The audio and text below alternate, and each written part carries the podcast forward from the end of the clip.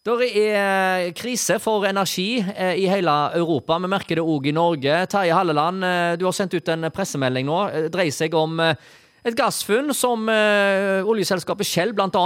er veldig framoverlente for å utvikle. Men Equinor med norske myndigheter de sier stopp, nei, vi kan vente litt med å produsere mer gass. Det er vel umusikalsk i disse tider?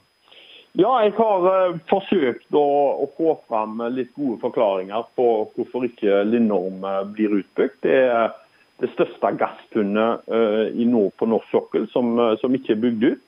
det er en av operatøren på, på, på, feltet Shell som ønsker å bygge det ut. Mens bl.a. Equinor, som da er med på lisensen, ikke ønsker å gjøre det. Så har jeg eh, vært ute og etterlyst litt. Eh, vi er i en helt ekstraordinær situasjon i, eh, i hele Europa nå. Norge har inngått en forsterka energiavtale med Europa.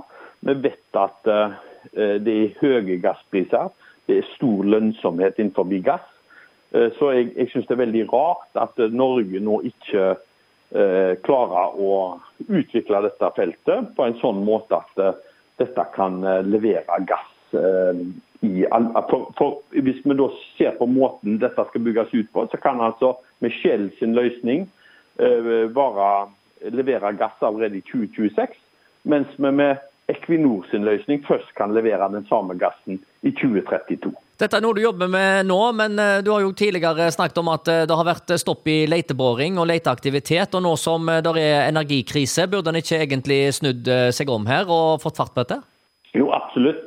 Og Det er jo det som har vært gledelig de siste månedene, er jo den endringen som tross alt har skjedd i Europa, med holdningen til eh, spesielt naturgass, men nå olje.